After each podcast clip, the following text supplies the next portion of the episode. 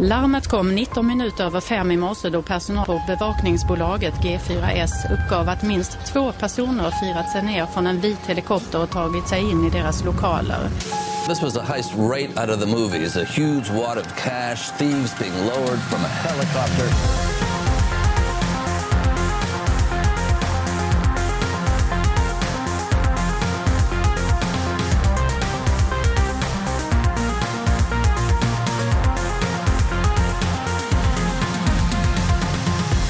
Hjärtligt välkomna ska ni vara till våran vårspecial som går under namnet Krimbonanza. Vi är Något Kaiko Podcast där vi varje vecka kommer att slå på sirener, skaka galler, ta fram spaden och gräva oss djupt, likt man gräver en likrop ner oss i allt som har med krim i någon form att göra.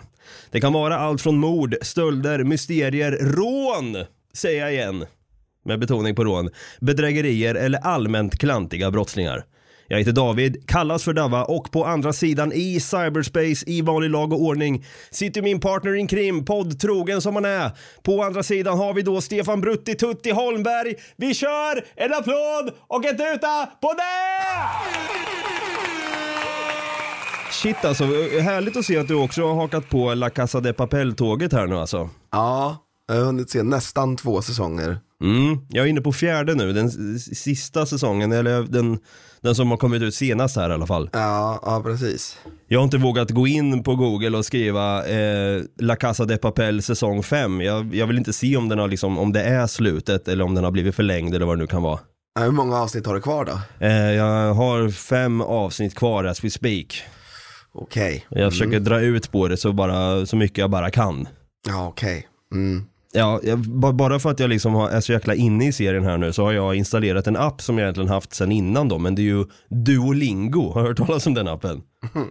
Ja. Det är ju en, en språkapp då, man kan lära sig språk och så uh, sitter jag liksom och tränar spanska och det, går- det går bra för mig faktiskt. Är det så? Få höra något då. Ja, här har vi då, nu ska vi se här, jag har den framför mig här. Una hamburguesa de pescado. Vad tror du det betyder? Una umberguesa de pescal. Una hamburguesa de pescado. De pescado. Una Eh, hamburguesa de pescado. oj. Nej, ingen aning faktiskt. Tänk nu att El Professor ringer upp dig när du står där inne i uh, myntverket. Ja. Du säger så här, eh, Hola El Professor, yo soy Esteban. Och då säger han, Una hamburguesa de pescado. ja, han kanske inte skulle säga det för det är jätteologiskt att han skulle säga det till dig. En... Det är då eh, en fiskhamburgare tack. Eller inte tack, men en fiskhamburgare.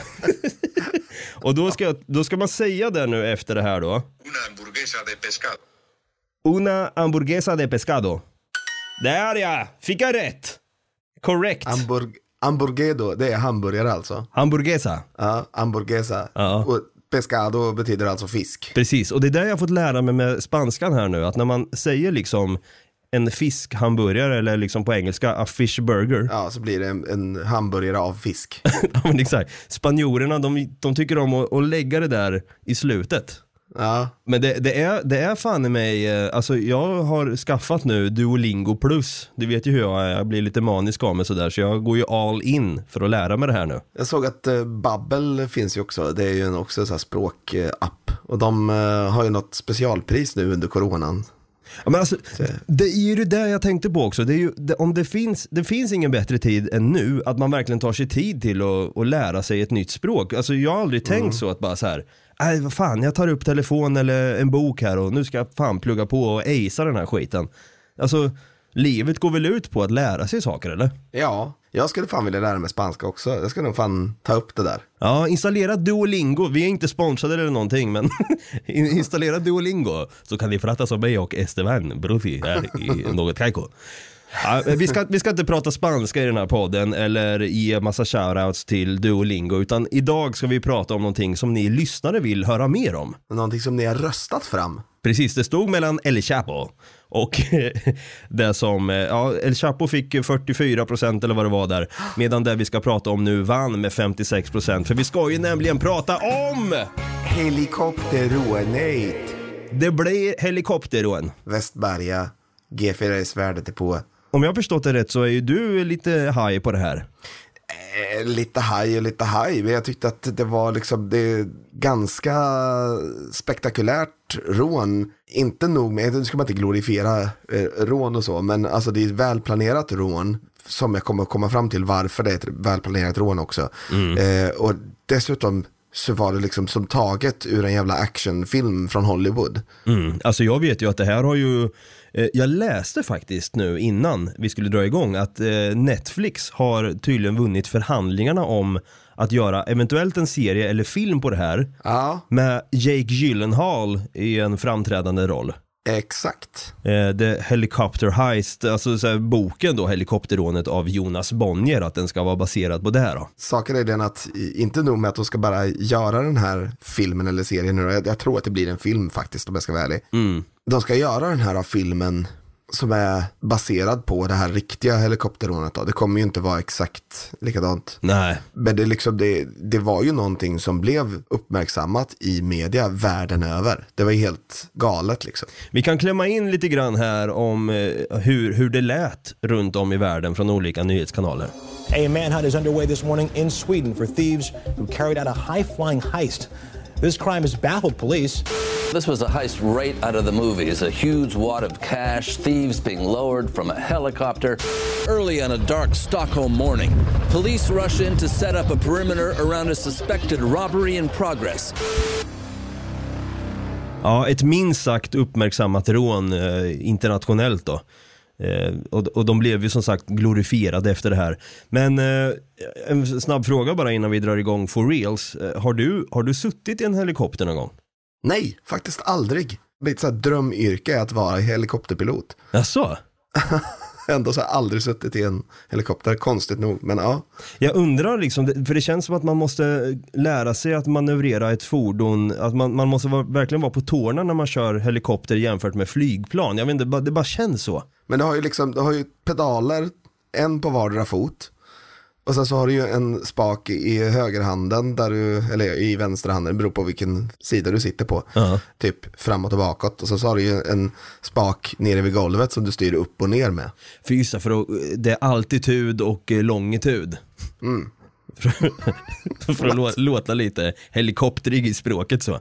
Det är mäktigt med helikoptrar och vi har ju sagt innan att det är någonting eh, lite nervkittlande med rån, så då kan ni tänka på hur jag och Brutti, eh, vi, vi, vi går ju verkligen igång på helikopter och rån då. Exakt. Så jag tycker att vi, vi drar igång och eh, snackar om det uppmärksammade historiska helikopterrånet.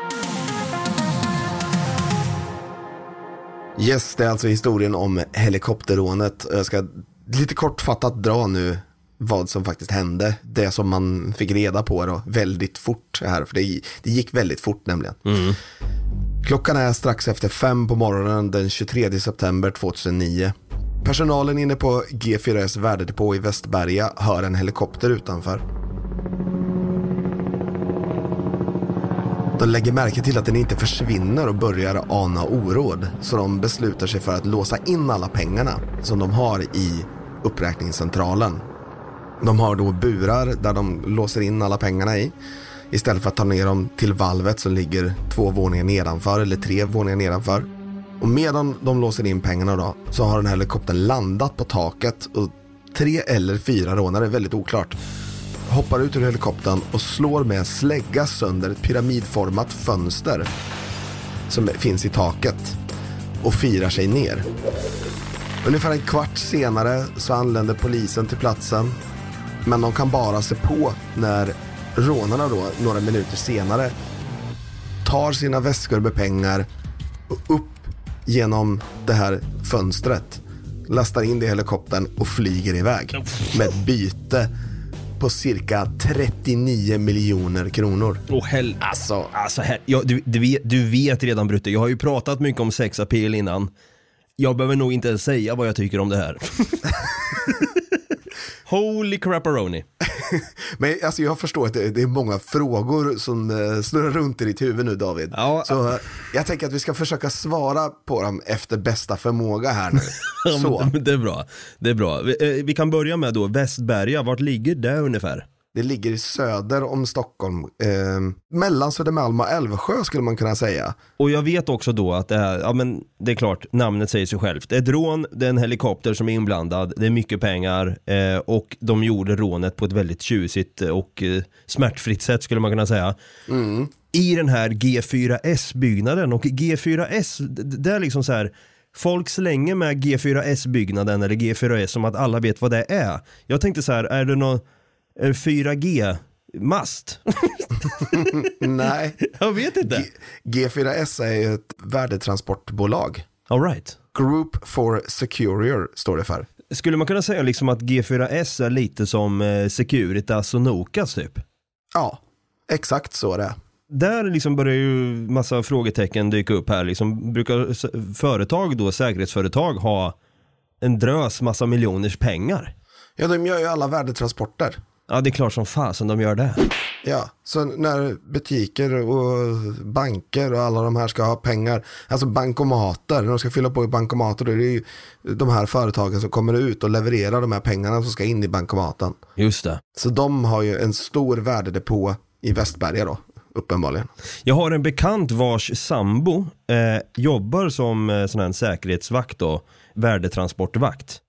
Och då frågade henne då om hon har blivit, eller som, om han då har berättat att han har blivit utsatt för rån några gånger under sin karriär. Hon, hon sa liksom, ja han har varit med om sex sju stycken rån typ. Det är så jäkla liksom, det är, det är nästan, det hör ju till, tyvärr, på ett sätt att så är man värdetransportsvakt så får man nästan räkna med att ha, man, man måste ha ögon i nacken. För det är så ofantligt vanligt att sådana blir rånade då. Men eh, och den här helikoptern då, som kom, Ja, vad jag har- förstått så blev ju den stulen. ja exakt. Från eh, Norrtälje. Och de, det är en, Bell 206 Jet Ranger som, som blir stulen i Norrtälje. Samma morgon som, eh, som rånet eh, skedde. Bara en halvtimme innan eller så. Sånt är också lite kaxigt, att man väljer att stjäla en helikopter samma morgon som man ska göra ett rån. Ofta brukar man tänka så här, okej den här helikoptern blev stulen för ett halvår sedan, typ. Och att de liksom har gömt den med sån här pressändning någonstans i någon eh, dansk skog, var jag på att säga. Jag vet inte varför jag sa dansk, men jag läste här att G4S var danskt då, tidigare danskt. Ja, Och sen då att man när, man, när det är dags, då drar man av den där dammiga pressändningen och drar iväg liksom. Men så var det inte. men så här är det också att det här, det här är faktiskt lite, lite komiskt kan jag tycka. Eh, Aha. Helikoptern då, som stod här i Norrtälje, den, den ehm, stod i ett tält med en väldigt säker dörr. Alltså, du vet, de har spenderat 100 000 på en dörr som ska vara liksom omöjlig att ta sig igenom. Vad gjorde rånarna då? Jag säger inte att de sparkar in den bara hur lätt som helst. Nej, de använde en morakniv och skar upp tältet. Åh nej! Sen så står ju den på platta liksom, så de bara rullar ut plattan ut från tältet och sen så bara flög de iväg med den. vad fan, vadå, okej, så de lägger ner massa krut på, på dörren, men runt om är det liksom någon form av textil bara? Ja, Alltså, Det var ju dummaste jag hört, vad fan ska man ha en, en super badass door då då? jag vet inte. Det är så jävla dumt i alla fall. Men jag vet också att den här helikoptern, det var ju en sån här som du sa, Bell 206 Jet Ranger, de är väldigt vanliga av polisen och försvarsmakten vet jag. Att de har det också. Grejen är ju att eh, polisen hade ju sin egen helikopter. Men den kunde ju inte lyfta. Nej. Piloterna liksom får ett samtal direkt att nu händer det. De springer ut till sin helikopter. Men utanför dörren till den här hangaren, som, den här tillfälliga hangaren ska jag faktiskt till och med tillägga, eh, som polisen har sin helikopter i, står det en bomb. Oh shit. Eller en misstänkt bomb i alla fall. Det tog ju liksom flera timmar för dem eh, att få dit en bombgrupp och kunna eh, köra ut en sån här robot och undersöka den här. Och, Riktigt såhär hurt locker-stil typ. ja, men precis. Och, men, saken är den att när det här rånet på G4S tog ju bara en halvtimme. Åh herregud vad fort det måste ha gått alltså. Alltså fattar du att de firar sig ner in i rummet och istället för att gå till valvet som vore kanske det mest logiska så vet de att klockan fem på morgonen då är inte pengarna i valvet, då är de i uppräkningscentralen. Och där är det ju bara liksom burar som de har ställt in pengarna i. Om det skulle bli någonting då. Vilket det blir, för de håller på att räkna pengar liksom. Ja. Rånarna går direkt mot uppräkningscentralen. Men eftersom de redan har fattat att någonting kommer att ske, personalen, så har de låst tre stycken dörrar på väg in till uppräkningscentralen. Och sen så finns det en annan väg ut därifrån. Så det finns två dörrar in och ut genom uppräkningscentralen och där inne så är det burar med pengar. Precis innan rånarna tar sig igenom den tredje dörren så har personalen sprungit ut genom den andra och springer mot valvet. Så rånare och eh, personal var aldrig i kontakt med varandra. De såg aldrig varandra. Bara det där är ju också så här sjukt jäkla planerat på ett sätt. Troligtvis är det någon insider då, skulle man ju kunna tänka sig, eftersom det är så liksom, tydligt för dem att de går direkt till uppräkningscentralen istället för att ta sig mot valvet. Ja, att de visste om att de är där uppe och räknar då alla pengar så vi behöver inte ta oss ner dit liksom. Ja, och de hade ju stegar för att ta sig ner i, genom det här fönstret. Mm. De stegarna var ju liksom så här, exakt så långa som de behövde ha dem. Alltså, det, det där också, de... Jag, jag får en känsla av att de måste ha tränat på det här. Alltså, Ja, ja, exakt. Det måste ha planerats eh, rätt länge. För sen när de kommer in i den här uppräkningscentralen också så är ju pengarna inlåsta som sagt i burar. Och då använder de ju liksom elverktyg för att kapa av låsen och sen bara plocka på sig. Och det ursprungliga målet var ju att det skulle få med sig 100 miljoner kronor. Men de fick ju bara med sig 39 utav de miljonerna. När de tar de här pengarna och sticker så har de, verkar de ha haft en, en jävligt tight tidsplan.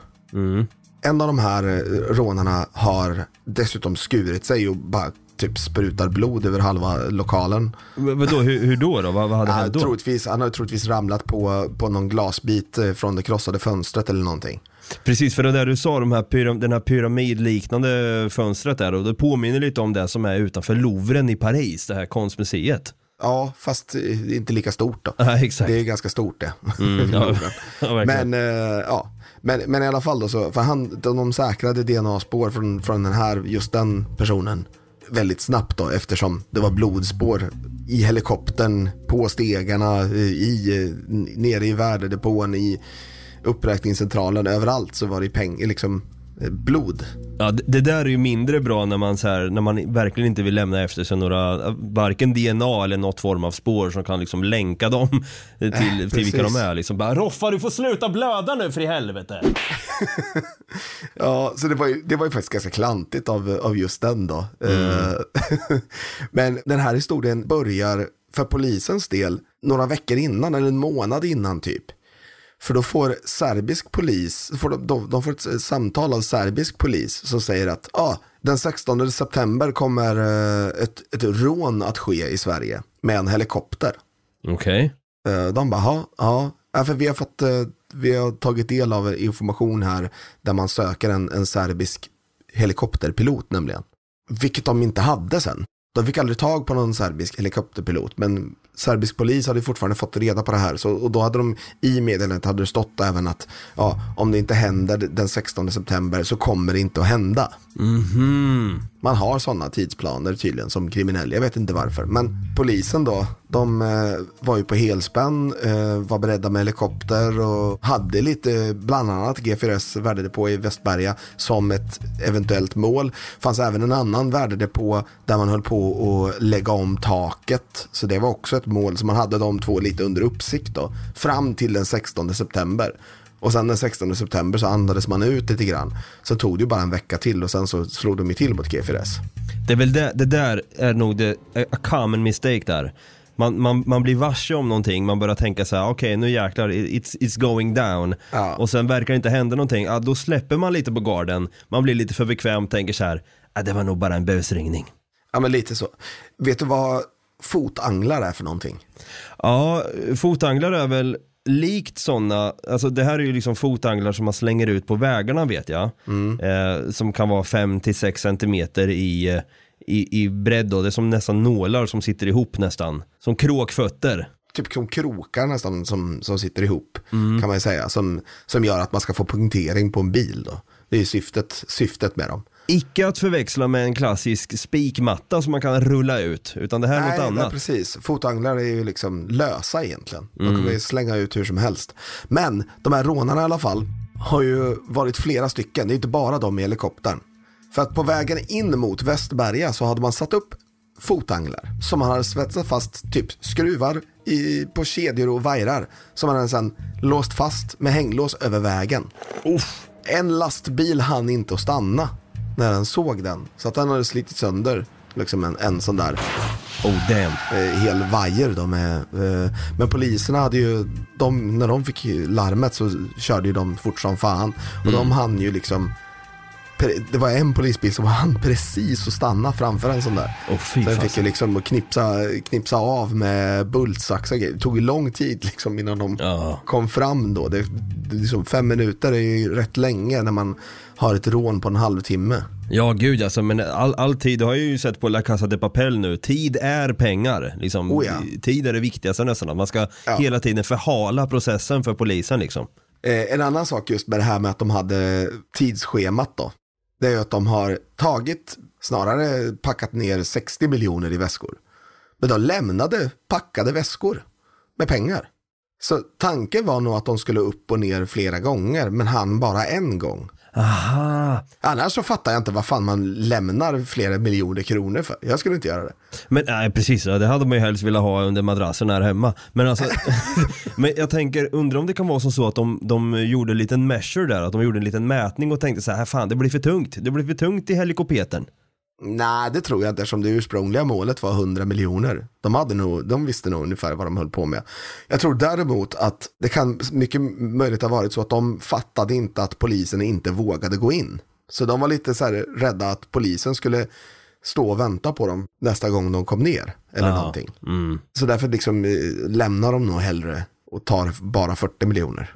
Det är väl där liksom, om, eftersom de inte stötte på personalen, eh, nu var ju de beväpnade som sagt då, alltså rånarna, Ja. men på ett sätt det kanske var tur att de inte stötte på personalen för att de, om de hade gjort det hade, de, hade det säkert blivit årets gisslandrama där säkert. Ja, Att de håller gisslan och polisen kan därför inte ingripa förrän liksom, ja, de, de sticker därifrån och Exakt. lämnar gisslan oskadda i princip. det var ju det de var rädda för. Ja, Det var ju 14 stycken i personalen som äh, arbetade på den här värdedepån i uppräkningscentralen. Och de äh, sprang ju som sagt mot valvet. Där jobbade ytterligare fyra personer. Och de har liksom som en sluss innan valvet. Så det är en dörr som måste stängas för att nästa ska kunna öppnas. Bara att när de stänger den där och ska öppna nästa, då har de fyra som jobbar där inne i valvet, de tror att det är rånare, så de har låst den. ah, nej. Så de blir, de blir fast 14 pers på en väldigt liten yta i den här slussen. ah, shit, Kommer ja. varken in eller ut. I paniken där så, ja, ah, fuck alltså. Det tog ett bra tag, alltså, de var ju borta för länge sedan de här helikopterrånarna. Då fick de komma in i, i valvet då. Men polisen lät dem inte komma ut från valvet. Nej. Utan de ville vara säkra på att det inte fanns några rånare kvar. Men de vågade i sin tur inte gå in heller direkt. För de, de pratade, de, de kunde väl inte ha kontakt med någon, hade de kontakt med personalen? på något sätt, de fyra. Ja. De fyra. Men, men alltså de hade varit i valvet i över tre timmar. Så cirka nio på morgonen får de här 18 personerna i personalen komma ut. Fy fan, den paniken också, så här, man, usch, den där hjälplösheten, känslan av hjälplöshet. Ja, Jag, jag, alltså, jag tänker så här, om vi leker med tanken då och säger att det hade blivit lite grann av ett gisslandrama eller mer att personalen kunde ingripa mer mot rånarna, att de skulle få för sig att ja, nu ska vi skrämma skiten ur rånarna här och slå tillbaka.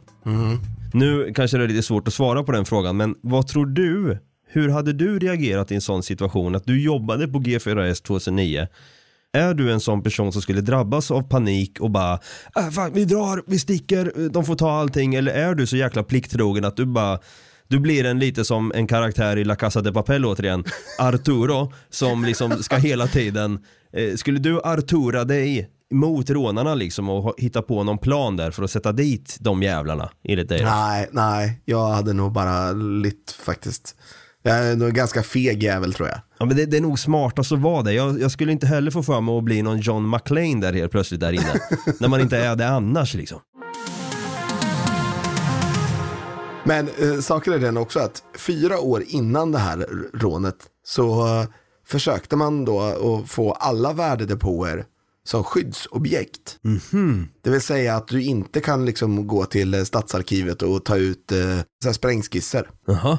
2009 då, då kunde man fortfarande, men alltså de fick nedslag på det här. Så att 2009 när man, när man då kom till Stadsarkivet och bara bad om att få skisser på G4s värdedepå i Västberga, så jaha, okej, här har du. Det var liksom ingen som hindrade någonting. Det kanske liksom, ja, det kanske borde ha varit en varningsklocka för någon, kan man tycka. Men det var liksom inget olagligt, det var inget konstigt, det var ingen som behövde något polisunderstöd för att få ut det. Men det här har ju ändrats då efter det här helikopterrånet. Så nu kan man inte längre få tag på den informationen. Ja, för jag, jag tycker det är lite så här halvlalligt om jag får säga det själv, men det är ju lätt att vara efterklok också. Learn by doing, som man säger. Vidare då, den här helikoptern som man eh, använde för att eh, utföra det här rånet. En svart Bell 206 Jet Ranger alltså. Den hittades klockan, runt klockan åtta samma morgon. Då har man landat den i norrort i Stockholm. En timme innan eh, personalen kunde gå fria. Ja, då hittar man helikoptern. Aha. Den var inte förstörd eh, på något sätt utan de har bara landat den och stuckit därifrån. Så polisen kunde säkra fingeravtryck eh, och en GPS som troligtvis används vid rånet då. Saken är den att med den här helikoptern så kan utredningen gå väldigt fort framåt och de kan till och med gripa en person redan samma dag. Oh shit. Vad konstigt att de bara lämnar helikoptern där utan att liksom Ja, man kan ju tycka att den borde liksom förstöras. tutta eld på skiten och sen dra eller liksom i alla fall smeta runt lite där med lite ammoniak och skit så man tar bort alla fingeravtryck. Ja, Ja, och varför lämnar man kvar en GPS? lite, lite sloppy där kanske, I don't know. Med- det välplanerade rånet så tycker jag att det där var en väldigt dålig avslutning, ärligt talat. Det. Skäms grabbar. Är... Ja, arga snickaren kommer dit och säger, ni har ingen plan längre. De vet inte vad de ska göra. Det är inte klokt det här. Jag ska ju faktiskt eh, avslöja det att de sitter ju faktiskt i, i fängelse idag. Allihopa? Eller inte idag, men de fick fängelse efter det här. De är nog på fri fot för de fick 7-8 år. Men vad då? så du menar att hela det här gänget, de som var på taket, alltså i, i G4S-bygget? I princip hela gänget i alla fall. De, de man känner till har ju då gripits. Och man hade bevisningar i form av DNA. Bland annat så hade de ju en kille som hette Alexander Eriksson. Ja. Han blev gripen på Arlanda när han skulle flyga till Spanien. Ja, Det är så att nationella insatsstyrkan var det som grep honom. Man liksom sparade inga resurser här inte utan man, nu var det bråttom, han ska fly utomlands tänkte man. Ja, ja. Han hade ju en planerad resa sedan långt tillbaka så det var inget konstigt egentligen. Men hans DNA var ju säkrad i den här helikoptern. Problemet är bara att han har jobbat med just den här helikoptern. Han jobbar på det här stället som helikoptern stals ifrån. I Norrtälje där eller? Ja, exakt. Ah. Så han är inte förvånad över att bli gripen. Men eh, jag har ju faktiskt också hört den här P3-dokumentären och då intervjuar de honom. Och han tyckte då att eh, de kunde ha ringt till honom istället så han kunde komma in och prata med dem själv. Jaha, okej.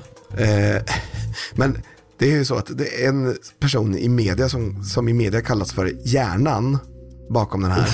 Det är lite El Professorigt. Ja, han har ju faktiskt träffat den här som kallades för hjärnan i ett annat sammanhang. Då man pratade om något vindkraftverk tror jag det var eller någonting sådant. Och, Just det, just det. De hade haft något möte av något slag där. Ja, Eh, och då fattar inte liksom Alexander att, eh, alltså han i alla fall hävdar att det inte var i det syftet de sågs utan Nej. det rördes, eh, att det, det snackades lite om någon kokainhandel av något slag. Nej, enligt Alexander så, han, så handlar det inte om någon kokainhandel utan bara brukande av kokain i största allmänhet. Bara typ på fest. Ah, Okej, okej. Men enligt hjärnan så använd, används liksom, så var det en kokainhandel. Så att det, det är väldigt eh, splittat där vad som är sant. Eh, Han säger ju också att han, är, han, är sä- han var ju säker då, 2013, när de spelade in den här P3-dokumentären. Fyra år efter rånet. Då var han rätt säker på att han skulle bli frisläppt. Därför att han hade ju setts på McDonalds i Hägernäs vid sjutiden på morgonen. Det är ungefär 20 minuter från där med gång. Därifrån man landade helikoptern. Skulle han beställa en McFeast och plusmeny men eh, var tvungen att fråga om ett sugrör och han blev lack över det? Ja, exakt. Nej, men alltså, eh, det finns vittnen då som talar om att de har sett helikoptern landa runt sju på morgonen. Men eh, förundersökningsledaren är dock helt säker på att de har tagit rätt person. För enligt honom så har teknisk bevisning då med någon hjälp av någon radar har de landat helikoptern runt sex på morgonen. Så att det ger honom gott om tid att gå från helikoptern till McDonalds i Hägernäs. Jaha, okej. Han eh, dömdes till sju års fängelse vid inblandning i det här rånet då, och skärptes senare till åtta år. Oh shit. Men han fick komma ut efter två tredjedelar av tiden, cirka fem och ett halvt år då. Ja, för det sjuka är att jag läser också Alexander Eriksson, tv-producent för succéprogram som Idol och Nobelmiddagen. Väldigt så här, eh, en rask vändning i, i karriären där. Ja, jag vet inte om, det, som du sagt, det är ju, vi kan ju bara spekulera om han var med eller inte. Men Ja, alltså, det låter jäkligt, han, det kan ju vara som så att det var oturligt nog att han var på fel plats vid fel tillfälle, att han då hade pillat i helikoptern där innan. Med tanke på att han jobbar med den. Ja, exakt. Han använder den för att han är ju helikopterpilot också och, och har använt den i sitt yrke. Eh, och den här GPSen också som, eh, som användes, som man hittade i helikoptern.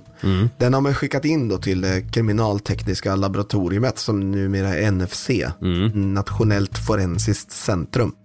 De har i alla fall analyserat den här och hittat DNA-spår från Alexander. Ah, Men det är av grad 2. Mm-hmm. Vilket inte behöver betyda direktkontakt. Utan det räcker med att de hade ju så här buntband som han hade i helikoptern. Som var hans. Så de har ju hållit i. Men då kan det vara så att rånarna har tagit de här buntbanden med handskar. Och sen släppt dem och sen tagit upp GPSen. De nivå 4 DNA-bevisen som finns på buntbanden kan ha blivit nivå 2-bevis på GPSen, säger NFC. Så att okej. det är inte helt omöjligt att det var så. Ja, alltså att det skulle bli att han då indirekt har rört GPSen fast han inte har gjort det liksom. Exakt. All right. Men de här andra då, den här hjärnan, alltså eh, en, en fråga som dyker upp i, min, eh, i mitt huvud här, är det svenskar som ligger bakom? För det var ju snack om att det kunde varit serber innan. Det, det finns ju ett eh, transnationellt nätverk av personer från Montenegro och Serbien som går under namnet Rosa Pantrarna. Är det några du har hört talas om? Ja, fast det eh, har de ju faktiskt dementerat. Att det inte är det? Det är inte Rosa Pantrarna. För de är ju då, det är ju liksom, ja, de eh, håller på framförallt med juvelstölder och det ja, utgörs då av huvudsakligen av serbiska krigsveteraner från eh, forna Jugoslavien. Ja. Eh, tror utredarna i alla fall. Om vi, om vi går till 2009 då, då, då rånet gjordes, helikopterrånet, så misstänktes Rosa Pantrarna för 90 rån i 19 länder med byten som sommaren 2009 uppskattades till ett värde av 100 miljoner euro. Ja. Däribland ett halsband, Comtesse de Vendôme, 125 karat. Sug på den. Värd 20 miljoner brittiska pund. Fy fan. Fan, borde man göra ett avsnitt på Rosa Pantrarna? det kommer vi inte det, det, va? det, du, det, nu får vi skärpa oss lite här. Va? Håll i hästarna. Eh, men det, det är ju så att de har ju gripit då och, och fängslat till och med.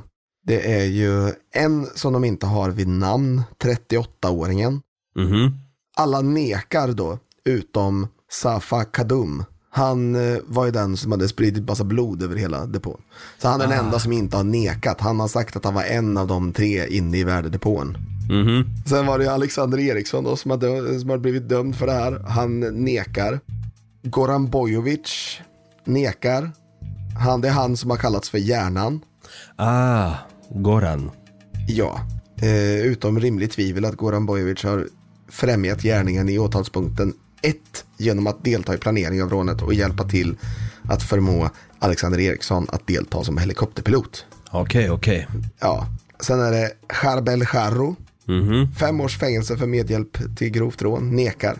Ja. Och sen är det en snubbe som heter Mikael Södergran som också har fått eh, fem år fängelse eh, för medhjälp till grovt rån och nekar såklart. Men det, det är lite konstigt att, att de nekar där med tanke på att då, de blir ju dömda på grund av fingeravtrycken. Teknisk bevisning i helikoptern. DNA. DNA ja. Ja, det behöver inte bara vara eh, fingeravtryck. Idag så, alltså du har, det är inte riktigt eh, 1990 längre. Du måste inte hitta ett fingeravtryck utan det räcker med partiklar från eh, alltså hårstrån. Det kan vara, alltså du har hostat på någonting så du kan hitta saliv. Eh, alltså det, det finns så små partiklar som de kan avläsa DNA ifrån. Fan vad tur att man då, alltså så här, det skulle ju kunna vara alltså att man hade den oturen att man kanske var lite tjenis med Alexander där eh, 2009 för då var jag ändå 21, 22, nu ska jag tänka här. Hur gammal var jag 2009? Tänk åt mig Brutti. 21. Då, då var jag 21, eh, 20-21 år där. Jag hade ju kunnat så här, jag bara, eh, Alle, fan, vad, ska vi ses eller? Han bara, vi kan ta en tur i min helikopter säger han. Jag åker upp dit till Norrtälje där han håller hus och så bara, tja fan kul att ses och så går jag in där i helikoptern och hostar lite grann så här. Jag har lite pollen, det är lite sådana tider. Och sen då hittar de mitt DNA i helikoptern. Pollen i september. Ja men det, man vet aldrig, det kan vara så att man vet inte när björkarna slår ut i Norrtälje. ja, men så åker jag dit så här. Jag, jag skulle också sitta där och neka, nej jag var, i, jag var bara i helikoptern och hosta. Tre, fyra host kanske max. Sen åkte jag hem, jag, fick, jag hade inte med mig mina tabletter och min inhalator med mig, så jag fick åka hem. Ja. Sitter jag här på Hall, fan. skulle kunna hända. Ja, det är absolut. Fan vilken jävla otur du skulle kunna ha alltså. Ja, Ärligt shit alltså. Men, men det är väl den där oturen då inom citationstecken som de här rider på lite grann. Att de då, de kanske kan säga att de har åkt med den här helikoptern innan med tanke på att hjärnan då, Goran, hade träffat Alexander i andra syften. Kanske med, när helikoptern har varit närvarande och det är därför deras DNA finns i helikoptern då. då. Och därför kan man inte länka dem alltså, riktigt 100% till rånet. För man har liksom inga bilder på dem riktigt där. Men du, jag ska berätta en liten eh, historia för dig nu här. Ja, ja men kör. Det här, det är så att i december 2009, två av de här som är dömda idag, häktades då i december 2009, samma år alltså. Och en av dem är den person som troligtvis har lämnat och lämnat DNA-spår i form av blod i värdedepån. Det var Kadum. Safa Kadum. Och i alla fall, han finns sedan tidigare i polisens register då han var med i det rån mot Nationalmuseum år 2000. Nej! Han befann sig på Dominikanska republiken men han kunde komma tillbaka till Sverige inom 36 timmar efter häktningen. Då. Polisen ville inte att han skulle kunna fly därifrån. Så de drog istället in hans pass och ringde dominikanska polisen och sa att det fanns en svensk där utan giltigt pass. Så de griper honom och håller honom till svensk polis tillsammans med kriminalvården som har i uppdrag att hämta in häktade i sin frånvaro. Åker ner med ett chartrat plan från Bromma, hämtar upp honom och åker hem. Nej! Det är ganska smart gjort kan jag tycka. Vad skulle de ha gjort då? Ringt till honom och bara Tjena, hör du, har du lust att komma hem eller? Ja, men det- ja fan, nu, nu när du säger det. Det var länge sedan jag var hemma. Ja, alltså Kadum där, han, han åker ju upp lite grann på den där 6 listan här. Jag ska se vart han hamnar. Ja, det är en stabil nummer 15. Strax efter Christer Fuglesang. George Clooney har vi på nummer 11 där. Ja. Kadum, han får, nog, eh, han får nog stjäla en juvel eller två här för att komma upp lite grann. Ja, nummer 8 ser, ser rätt så ledig ut nu, eller den går att ta. Är det så? Ja, vi har, där har vi ju Ashley Cast faktiskt. Tror han låg på typ minuslistan. Ja, det är väl alltså så här, ja för sig, ja det är sant. Ja, men jag kan tänka mig att polisen, att de går också mycket på vad de tidigare har blivit dömda för. Ja, De är inte födda i farstun, de, de vet ju liksom vad de här personerna förmodligen är kapabla till att göra. Ja shit alltså, det, det, var, det var sjukt intressant. Jäkligt snygg research Brutti måste jag säga. ha, tack. Vi slänger ut en, eh, vi, jag slänger ut en applåd och en tuta till dig. Jag tror lyssnarna gör det med. Så får vi se, får vi ha våra ögon och öron öppna efter den här Helikoptern. Netflix helikoptern med. Fan, jag är så jäkla sugen på att bara hoppa in i en helikopter nu. Dra till Västberga. Dra till Västberga. Nej men du fyller ju år snart Brutti. Ja, Önskar inte du dig en liten tripp i en helikopter? ja, definitivt. Jag går in på Livit här med en gång, vi är inte sponsrade av Livit, men jag kan se vad det skulle kosta att skänka en, en sån här helikoptertur till sin vän som fyller år. Tusen spänn. Tusen spänn. Ja, på happyday.se. Jag är inte sponsrad av någon så här så det, är bara rabbla över. Jag ser tusen spänn, 995, 995. Eh, nu endast 1145, det var ju skitdyrt. Det hade varit kul att skriva så här, ett mail till dem, bara hej, eh, min polare han fyller 34 här nu i juni. Eh, skulle man kunna göra som så, jag, jag, han är jättesugen på att åka en helikopter, men eh, kan man slänga in ett rån också? så att det, han får en maximal upplevelse. Tack på förhand, hej hej. ja, vi får se. Eh, den som väntar på något gott väntar aldrig. För länge. Ja, där har vi det. Brutti, om man vill eh, skicka iväg eh, ett, ett flygpost till oss då, vart gör man det då? Då får man gå in på Facebook faktiskt och så, så klickar man sig in på något Kaiko podcast och så, så kan man skicka ett DM till oss där. Eller så kan man gå in på Instagram där vi heter Något Kaiko. Eller så kan man ju skicka flaskpost till oss via Gmail där vi heter nagotkaiko.gmail.com. Och om du känner att du vill vira dig ner och kanske följa och prenumerera på den här podden i en G4S-byggnad, när du, när du står där nere i alla fall, på väg in till uträkningscentralen, så hade det varit jättekul om du går in då och följer slash prenumererar här i din poddapp som du lyssnar igenom. Du kan också gå in och eh, skriva en kommentar där, till och med en recension, vad du tycker om podden i sig. Hade varit jättekul att läsa. Har inte fått in några nya kommentarer so far, men vi väntar med spänning på det. Eh, hade också varit kul om du gav oss en tummen upp eller fem stjärnor, att den här podden, den, den är bra. Den kan jag rekommendera till min granne faktiskt. Ja, det vore kul. Vi säger som vi alltid gör då, vi är ju tillbaka nästa vecka men vi avslutar med de två gyllene orden som är Ha det gröt. Ha det grönt.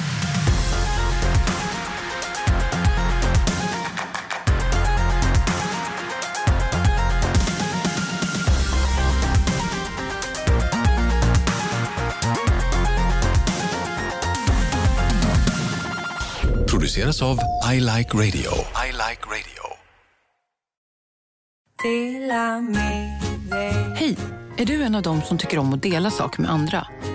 Då kommer dina öron att gilla det här. Hos Telenor kan man dela mobilabonnemang. Ju fler ni är, desto billigare blir det.